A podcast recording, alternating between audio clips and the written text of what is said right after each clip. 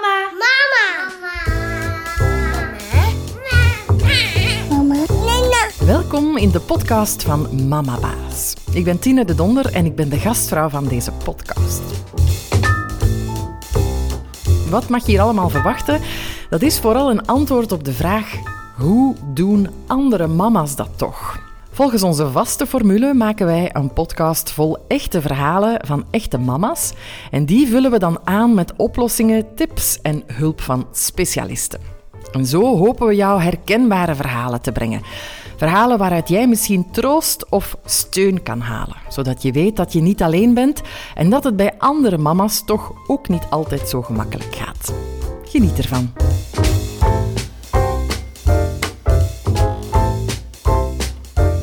Vandaag hebben we het over de parentale burn-out. Wat is dat?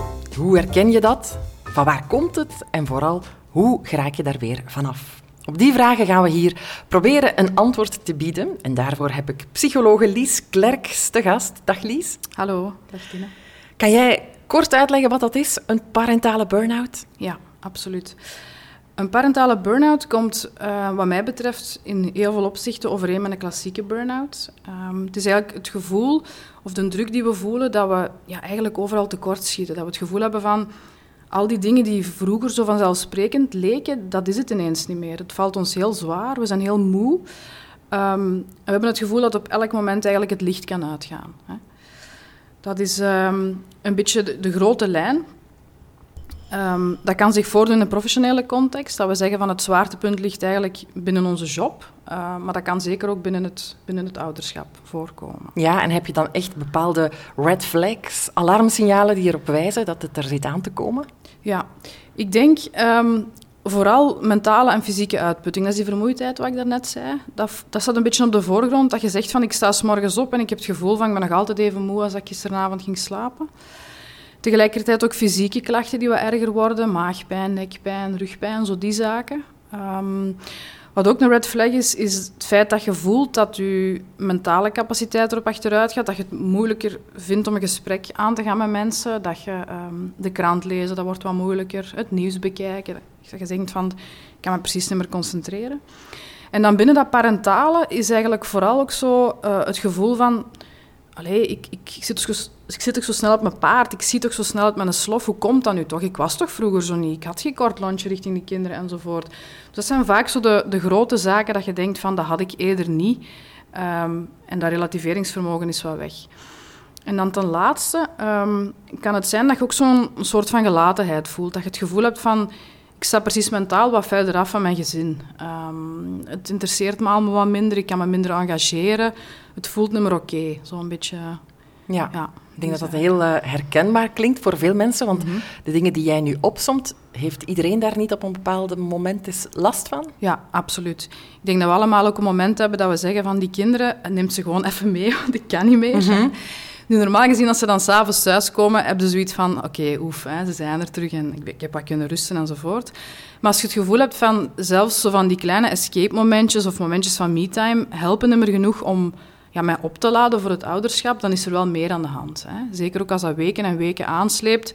Als je dat ook begint te voelen op andere domeinen, uh, richting je partner, uh, op de job...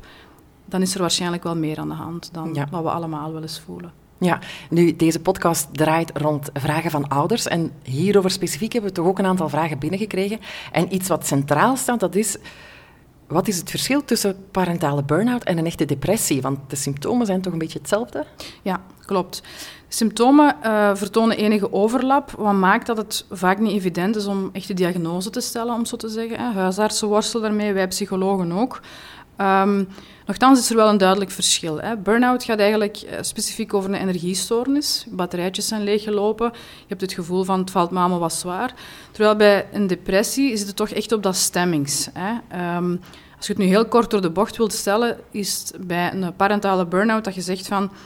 Oh, ik wil naar een dierentuin gaan, ik heb daar wel zin in, maar ik zou begot niet weten hoe ik daar moet geraken. Terwijl als je een depressie hebt en je denkt er nog maar aan dat je naar de dierentuin zou gaan, dan heb je al zoiets van, nee, laat maar, ik heb daar echt geen zin in. Ik wil liever gewoon thuis blijven en wat in mijn bed, wat rusten. Um, dus het is eigenlijk ook een kwestie van, van goesting, bij wijze van spreken. Zo van, het zegt me allemaal niks niet meer. ook voor langere periodes, waarin dat je ook um, wat last hebt van eetproblemen, te veel eten, te weinig eten, uh, wat donkere gedachten. Dat zijn eigenlijk toch signaal dat het meer richting een depressie gaat dan ja, een burn-out, zeg maar. Ja, en, en hoe kan je dan herkennen dat het um, een parentale burn-out is en niet gewoon nood aan wat me-time? Ja, dat, dat zit dan vaak aan die rustmomentjes. Hè. Dus als je, als je het gevoel hebt van, ik heb nu een hele dag iets voor mezelf gedaan, of ik ben met mijn partner uit eten geweest, uh, dan heb je meestal in normale omstandigheden het gevoel van, amai, dat was tof, ik heb ervan genoten. Terwijl als je richting een burn-out gaat, is dat ook totaal niet genoeg. Zo die kleine rustmomentjes, die laden u eigenlijk niet meer op. En dat begint zich op te stapelen. In het begin denk je van, oh, het gaat precies beter. Maar je merkt dat die, die, die korte oplaadmomentjes, of zelfs je nachten, dat dat niet meer genoeg is om echt tot een niveau te komen dat je denkt van, ik kan wel nog normaal functioneren. Hè. En dat is een beetje het, het, grote onderscheid tussen normale vermoeidheid, zullen we zeggen, en echt ja, burn-out zijn. Mm -hmm. Nu heb ik een vraag binnengekregen van Stefanie, die vraagt, denk jij, Lies, dat er een link is tussen postnatale depressie en parentale burn-out? Er kan zeker een link zijn in die zin dat um, stel je hebt het gevoel, in of, of de huisarts of psycholoog zegt van ik denk dat je lijdt aan een burn-out. Hè.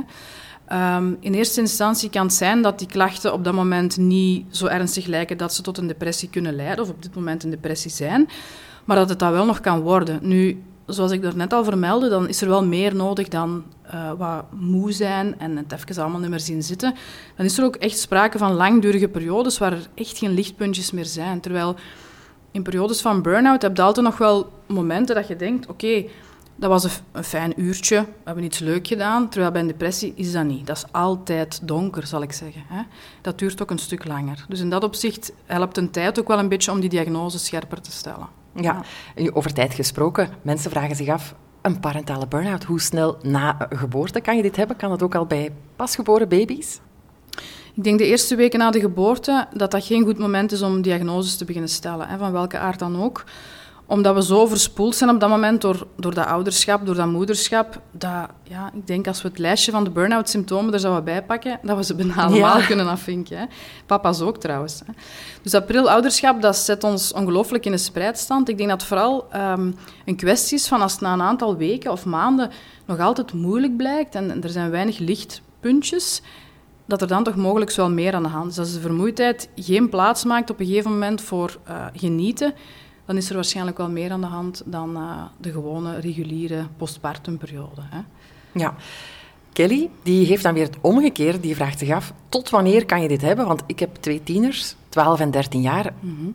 Kan ik van hen ook nog een parentale burn-out hebben? Ja, absoluut. Ik denk, um, als, als onze kindjes groter worden, hè, dan worden wij natuurlijk ook ouder. En dan is in mijn inziens eigenlijk een verschuiving van de kwantiteit, dus de intensieve zorg die ze eerst van ons nodig hadden, naar een soort van kwaliteit. Hè, waarbij dat ik natuurlijk geen afbreuk doe aan de kwaliteit die we leveren als ze klein zijn, maar gewoon die relatie met dat kind dat groter wordt, met die tiener, dat vraagt een andere invulling. Je gaat meer gaan luisteren naar wat er in hun leefwereld omgaat. Je gaat minder moeten verzorgen, maar echt gaat er moeten zijn voor hen. En echt hun raad kunnen geven ook. Um, kunnen luisteren als het minder goed gaat op school of dergelijke. En dat confronteert ons soms ook met ja, onze eigen kwetsbaarheden vaak. En dat maakt dat het voor sommigen heel zwaar is om, om daarmee om te gaan. Omdat we dan ineens blinde vlekken van onszelf ook wel zien bovenkomen.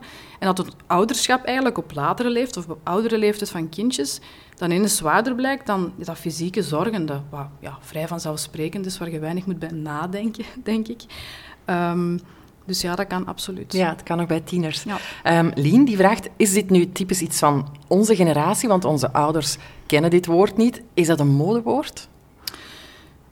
Het is geen modewoord, denk ik. Het is wel iets wat um, met de tijd gegroeid is. Hè. Ik zeg dat wel eens, ik schrijf het ook in mijn boek van... Wij zijn zo de harder, better, faster, stronger generatie. We moeten altijd meer. Hè. Moet, moet, moet. Hè.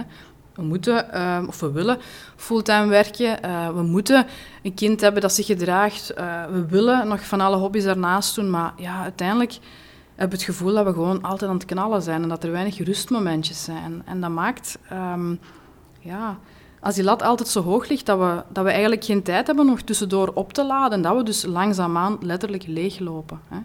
Wat verschil is met vroeger, is dat um, opvoeden of ouderschap is nu zo'n beetje meer... expert-driven. Er is meer over geschreven, er wordt meer over gepraat. Het, is, het lijkt wel alsof uh, we ons buikgevoel niet meer kunnen allee, dat dat niet meer genoeg is. Dat dat niet meer voldoende is om keuzes te maken. Dat we eigenlijk ons moeten bijscholen, boeken lezen, uh, trainingen volgen over hoe doe je dat nu best, ouderschap. En dat legt natuurlijk een hele hoge druk. Zeker als je er al wat onzeker in staat van dag één, dan, ja, dan helemaal. Ja, maar het is toch opvallend dat onze ouders dit niet hadden? Of hadden ze het wel? Ik denk dat er minder bij stilgestaan werd ook zo van. Um, ik denk dat zij nog wel durfde vertrouwen op dat buikgevoel, omdat er weinig anders voorhanden was. Hè. Je kon wel eens aan een buurvrouw van je moeder vragen van, hoe doe ik dat? Hè? Of ik heb hier iets voor, hoe moet ik dat aanpakken? Maar nu, allee, ik ben daar zelf ook schuldig aan. Ik heb er ook wel een boek over geschreven wat er een stukje over gaat. Ja, de informatie die voorhanden is, is zo immens dat je bijna niet anders kunt dan erin in te lezen en je een stukje erin te verliezen soms. Hè. Ik heb hier wel eens mama's die zeggen van... Uh, mijn kindje weent. Hè. Ik heb die in zijn bedje gelegd alleen. Ik heb de deur toegetrokken en die weent. En het enige wat ik kan bedenken is... Wat zegt theorie X en wat zegt theorie Y en wat doe ik nu best? Terwijl ik zeg... Ja, maar wat zegt uw buikgevoel? Ik weet dat eigenlijk niet meer. Die kunnen dat bijna niet meer benoemen, omdat die zo overspoeld zijn door al die informatie dat ze gelezen en gehoord hebben. En dat is wel gewoon heel jammer. Dus dan probeer ik wel echt hun terug naar die essentie te brengen van... maar wat zijn jouw waarden? Wat vind jij belangrijk? En hoe voelt jij u daarbij? Want ja, ja. boeken zijn tof, maar pak eruit wat voor u past en de rest leg het maar goed schoon langs uw neer. Ja. Straks gaan we nog wat door over um, wat je eraan kan doen, hè, hoe je dit kan verhelpen, toch heel belangrijk. Maar eerst even tijd voor dit. Heb jij na het beluisteren van deze aflevering nog vragen? Lies Klerks en Mama Baas die hebben ook een masterclass rond parentale burn-out. Die kan jij volledig op eigen tempo volgen via videomateriaal of in podcastvorm. Je leert in die masterclass om de signalen te herkennen en aan te pakken. Preventie is hierbij het sleutelwoord, want in een parentale burn-out kom je niet van vandaag op morgen. Je hebt de tijd om het tij te keren. Meer info? Ga naar mamabaasplus.com. Lies, we hadden het daarnet over die massa aan informatie die we kunnen vinden tegenwoordig uh, over ouderschap. Maar kan jij kort vertellen, is er eigenlijk iets aan te doen aan die parentale burn-out? Ja, absoluut. Hè. Um, eerst en vooral is het belangrijk dat we erkennen dat er een probleem is. Hè? Dat we voelen van oké, dit is niet meer normaal. Ik ben even niet meer de persoon die ik was of die ik wil zijn. Dus er is iets aan de hand. Hè? Dat, is, dat stap één. Twee, is het dan belangrijk om hulp te durven vragen. Hè? Eerst en vooral in je omgeving is te spreken met je partner, met je ouders, met je beste vriendin van... Ik voel iets wat niet klopt. Hè? Ook eens kijken dat zij dat herkennen. Dat zij een verandering hebben gezien bij jou.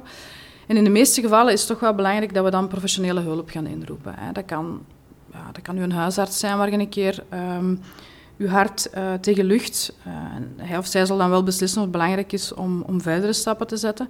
Maar de meeste mensen die hier terechtkomen, die willen echt wel aan zichzelf terug beginnen werken en op zoek gaan ook naar de oorzaak van ja, hoe komt dat ik dat gekregen heb. Want vaak ligt er wel heel wat aan ten grondslag wat op het eerste zicht niet, uh, niet hadden durven denken. Mm -hmm, maar er is wel degelijk iets aan te doen. Ja, absoluut. absoluut. Nu, um, een van onze luisteraars, dat is Sophie, die zegt ik weet dat ik een parentale burn-out gekregen heb omdat ik te veel tijd thuis met de kinderen bezig ben. Dus extra me-time, dat zou mij helpen. Maar hoe kan je dit nu in tijden van corona oplossen? Er is geen hulp van opvang, er, is geen, er zijn geen grootouders waar we terecht kunnen. Nee, dat klopt. Nu, als je me-time echt definieert als zijnde tijd zonder de kinderen, of misschien zelfs letterlijk alleen voor u, hè, ja, dan kom je al snel bij een of andere vorm van opvang uit. Hè. Dat kan dan ook je partner zijn, de buurvrouw die een keer een paar uurtjes oplet. Um, soms heb je meer nodig. Zeg je van ik wil toch eens even een volledige dag uh, weg zijn. Dan moet je dan vooral ook niet voor schamen. Hè. Ook mama's die, die een vrije dag hebben, bijvoorbeeld die vier vijfde werken, die zeggen dan wel eens van ja, maar die dag dat ik niet werk, dan moet ik toch mijn kinderen bijhouden. Waarom? Allee, dat kan toch ook een perfecte dag voor uzelf zijn, maar dat is vaak niet iets wat in hun opkomt zo. Hè. Want dan zeggen ze, ja, maar de opvang, wat gaan die daarvan zeggen? Die weten dat niet, dat jij vandaag niet werkt. Allee, soms, ja, ook daar leggen we de lat voor onszelf weer te hoog. We hebben zo het gevoel van, we zijn thuis, we moeten niet werken. Dus dan moeten we de kinderen per definitie bijhouden, maar dat is niet. Hè. Het is een beetje gelijk, gelijk met het vliegtuig. Van eerst mijn zuurstofmasker en dan dat van de kindjes. Als ik mij goed in mijn vel voel en ik heb het gevoel van ik kan de wereld aan, hè, dat is nu wel een groot woord, ja, dan gaan uw kindjes dat ook voelen. Dus voor jezelf zorgen is altijd een eerste stap. En zolang dat je dat niet goed genoeg doet of niet onder de knie hebt, dan wordt het ook moeilijk om ja, de, de zorg voor je kindjes langdurig te dragen, zonder enige problemen. Ja, er zijn nu mama's die zeggen uh, minder gaan werken, oké, maar ik heb het gevoel dat ik echt zou moeten stoppen met werken om mij helemaal te kunnen focussen op mijn gezin. Pas dan zou ik op mijn gemak zijn. Mm -hmm. Als het, het, stoppen met werken om voor de kindjes te zorgen voortkomt vanuit het gevoel van um, ik kan het allemaal niet gecombineerd krijgen, dan lijkt me dat geen goed idee. Want dan gaat u zelf eigenlijk bevestigen in dat idee. Hè. Als jij het gevoel hebt van in deze fase van mijn leven zou ik het prettiger vinden, ik zou gelukkiger worden van niet te werken, dan vind ik dat wel iets anders. Ja. Er zijn mama's die zeggen van um, ik kies er nu bewust voor om een jaar mijn loopbaan on hold te zetten en puur voor de kindjes te zorgen. Oké, prima als dat uw keuze is, er zijn ook mama's die zeggen, hè, wat jij net zegt, Tine, van ik ga ermee stoppen, want ik zie het allemaal niet meer zitten. Maar die botsen dan na een aantal weken op een tekort. Hè. Die hebben zoiets van, ja, ik ben nu alleen maar mama, maar ik vind dat eigenlijk niet genoeg. Want die andere identiteit van werknemer of zo, dat mis ik. Ik heb dat ook nodig om iemand te zijn. Dus die worden eigenlijk alleen maar ongelukkig van die keuze te maken. Dus opnieuw, het kan perfect dat jij een tijdje alleen maar wilt moederen, maar dan vanuit het idee van, dat is wat ik nu in deze fase van mijn leven moet doen, eerder dan ik kan gewoon niet meer als dat. Ja. En zou jij dat dan mensen afraden die daarover twijfelen of die daarmee bezig zijn? Um, ik heb er een aantal gehad hier met, met die vraag. Hè. Echt mensen die, die ook heel hoog opgeleid zijn en momenteel echt op een stoel zitten dat je denkt van, goh, amai, dat laat je toch zomaar niet los.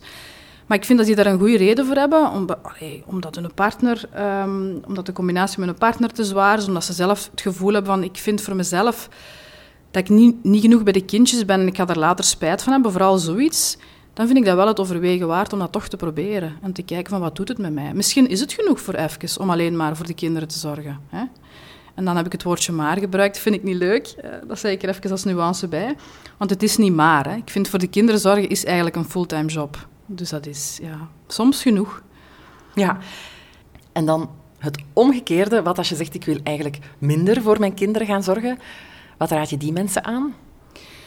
Dus dat zijn mensen dan die, die zeggen van ik, ga, ik wil meer gaan werken dan dat ik vandaag werk, bijvoorbeeld. Ja. Of ik mis echt iets, ik moet, ik moet wat meer het huis uit. Mhm. Dat kan natuurlijk ook perfect. Hè? Uh, dat zijn dan mensen die voelen van oké, het moederschap geeft, geeft zin aan mijn leven, maar niet voldoende om echt te zijn wie ik wil zijn uh, en waar ik later op wil terugkijken.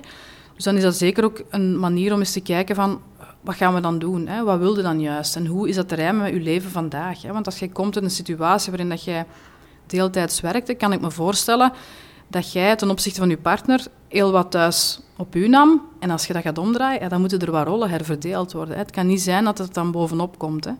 Want dat is dan natuurlijk de snelste weg richting het onderwerp van deze podcast. Ja. Nu, we kregen ook een vraag binnen van Gita, die zegt: Ik vind het zo moeilijk om toe te geven dat ik niet de mama kan zijn die ik voor ogen had, die ik dacht te zijn. Mm Wat zou je haar als raad geven? Dan is eigenlijk altijd mijn eerste vraag van, maar wie is die mama dan die je wil zijn? Wat, wat maakt dat je vandaag het gevoel hebt dat je niet de mama bent die je wil zijn? Hè? Um, ik heb in mijn boek ook zo'n aantal vraagjes van welke mama wil je zijn? Hè? Dat zijn dan mensen die nog geen mama zijn, maar bijvoorbeeld zwanger zijn. Dat je dan een keer bij stilstaat van welke waarden wil ik eigenlijk uitdragen richting mijn kinderen? Wat vind ik zelf belangrijk dat ik meegeef richting hun, maar ook voor mezelf? Wat, wat vind ik belangrijk om zelf in stand te houden, los van mijn moederpersoon, zal ik zeggen? En ik denk dat we daar dan naar op zoek moeten gaan. En dat we dan uiteindelijk wel komen bij de antwoorden op de vraag van... Um, ja, wat maakt dat ik niet de mama kan zijn die ik wil zijn? Wat is er dan voor nodig? Heb je meer tijd nodig? Een andere aanpak? Moet er iets anders in uw leven wat aangepast worden? Uh, moet er een lat naar beneden? In heel veel gevallen ja. Hè? is het de reden dat we het gevoel hebben van we schieten wat tekort richting de kinderen, omdat we eigenlijk al die andere dingen die er voor de kinderen waren, ja, ook nog in stand willen houden, maar dat gaat niet. Hè? En dan kun je kiezen of je legt een paar ballen op de grond, um, of ze liggen straks allemaal op de grond en dan heb je een groter probleem. En welke bedoel je zo? Ja, de hoofdbal bij mij is strijken. Die is redelijk snel op de grond gegaan uh, na een aantal kinderen. Um, maar ook in het huishouden in het algemeen, denk ik. Dat de keuken er uh, niet altijd spik en span bij ligt, dat is oké. Ik bedoel, dat gaat geen één kind zich later herinneren van... Amai, dat was thuis nogal iets. Maar ik denk dat ze vooral zich gaan herinneren dat, ja, dat jij de tijd nam om even naast hun in de zetel te zitten en misschien niet heel veel te doen, maar gewoon beetje tv te kijken samen. Hè. Maar wij zijn dan geneigd van die keuken in de gaten te houden en te denken, hm, ik ga ze toch nog even opruimen. Ik ga misschien toch nog rap die ene mail beantwoorden. We zijn eigenlijk altijd aan het multitasken en dat maakt dat we ja, niet opladen van kleine dingen zoals bij de kinderen zijn. Hè. Ja. Mhm. Nu, uh, Nelke die zegt, of die vraagt ons, wat als je dit ziet gebeuren bij iemand, bij een vriendin, maar die wil dat niet toegeven, hoe kan je die helpen? Kan je daar iets op zeggen of laat je mensen best met rust daarover? Ik zou wel um, heel eerlijk vanuit je eigen gevoel je bezorgdheid durven uiten. Hè, zonder met vingertje te wijzen, maar te zeggen van... Goh, ik heb het gevoel dat, je, dat allemaal wat moeilijker gaat. Hè. Um, je gaat dan wel snel voelen of dat die persoon daar wilt over praten of niet. Je kunt ook vragen van, dat je iets kunt betekenen. Um, luisterend oor kan soms genoeg zijn. En als je het gevoel hebt van, goh, dat gesprek leidt hier tot niet veel, toch kan dat zijn dat die persoon daar straks nog verder over gaat nadenken en dat het toch wel een eye-opener kan zijn. Zo van, iemand die een keer tegen u zegt van, ga het eigenlijk allemaal wel? Ik denk dat u dat zelf ook tot nadenken zet en dat je bij je eigen de vraag gaat stellen van, ja, eigenlijk zou ik eens niet stilstaan en kijken van hoe dat het eigenlijk met me gaat. Ja, soms ja. ziet het zelf niet. Mm -hmm. Nu, Anouk die heeft dan weer het omgekeerde. Die heeft iemand in haar omgeving die weet dat ze een parentale burn-out heeft. Die vraagt zich af, hoe kan ik die helpen? Mm -hmm. Nu, ook daar is er een, verschillende aanpak afhankelijk van wat de persoon wil. Hè. Sommige mensen hebben zoiets van, um, ik wil goed omringd zijn, ik wil echt het gevoel hebben van mensen staan klaar als ik ze nodig heb. Terwijl andere mensen, zeker in de acute fase van burn-out, zoiets hebben van, laat me maar gerust. Hè. Ik wil gewoon even rust. Ik wil niemand horen, niemand zien. Wat je dan wel kunt doen, is zo'n beetje latent aanwezig zijn op de achtergrond. Hè. Een keer een WhatsApp sturen, uh, zonder dat je antwoord verwacht. Zeggen van, goh, um, ik ga naar de bakker, heb je iets nodig? Ik leg het wel voor uw deur. Zo echt laagdrempelig proberen van iets te betekenen in zijn of haar leven, zonder dat je eigenlijk hulp of gesprekken gaat opdringen of zo.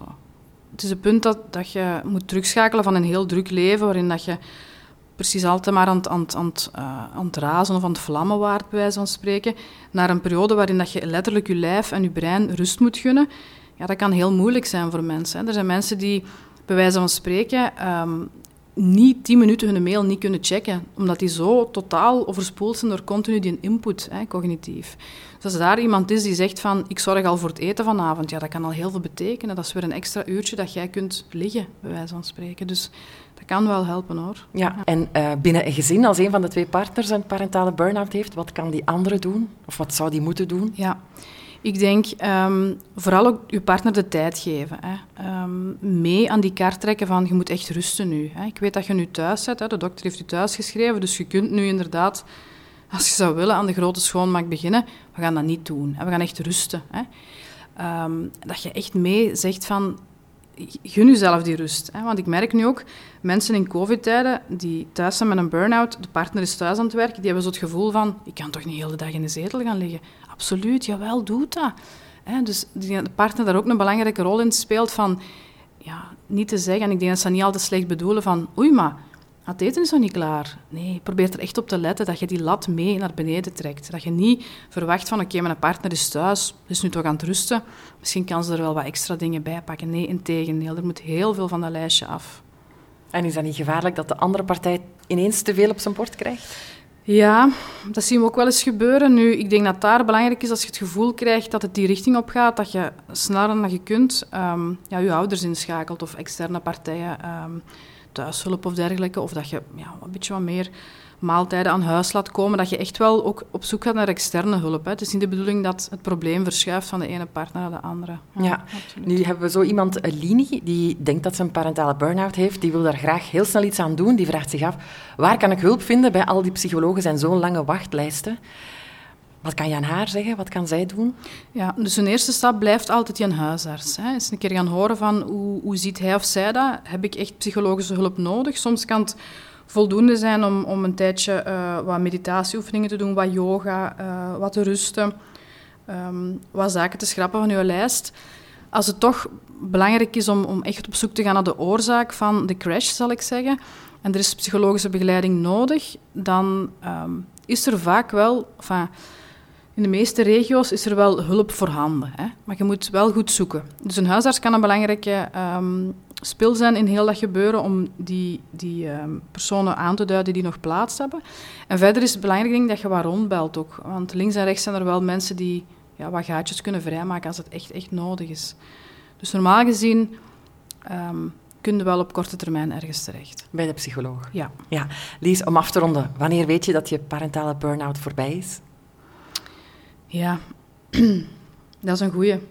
Ik denk dat dat, ehm, dat dat niet zo evident is om dat te weten. Omdat je hebt zo'n fase dat je denkt van, het gaat precies. Hè? Je kunt dat een beetje vergelijken met een gsm-batterij die plat is en je steekt die in. En op een gegeven moment gaat dat lampje terug aan en denk je, voilà, ik kan als ik wil subiet weer een mail sturen. Maar als je niet oppast, valt die terug uit. Dus ik denk dat je beter, als je het gevoel hebt van het gaat wel, dat je dan toch nog altijd een tijdje zou moeten verder rusten. Dat je dat echt bestendigt en dat je niet te snel gaat werken, want je zou ook niet de eerste zijn die, die terug op het werk komt, bij wijze van spreken, en die na twee, drie weken terug in de lappenmand ligt. Dus ik denk dat je beter wat langer thuis blijft dan dat je te snel terug gaat. En een huisarts is daar meestal ook wel uh, heel bedreven in om dat een beetje mee te monitoren. Hè. En als hij zegt van ik zou nog twee, drie weken extra pakken, dan moet je dat gewoon doen. Oké, dat is een duidelijke boodschap. Hartelijk dank voor dit super interessante interview, Lies Klerkes. Dankjewel. Je luisterde naar de podcast van Mama Baas. Interviews en montage waren in handen van mezelf, Tine de Donder. Ben je benieuwd naar de volgende aflevering of wil je niks van deze podcast missen?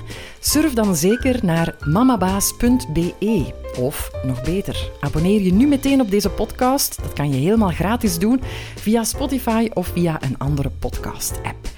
Vond je het een fijne podcast? Vertel het dan zeker door aan andere mama's en geef ons alsjeblieft een goede review, want dat zorgt ervoor dat nog meer mensen deze podcast kunnen terugvinden.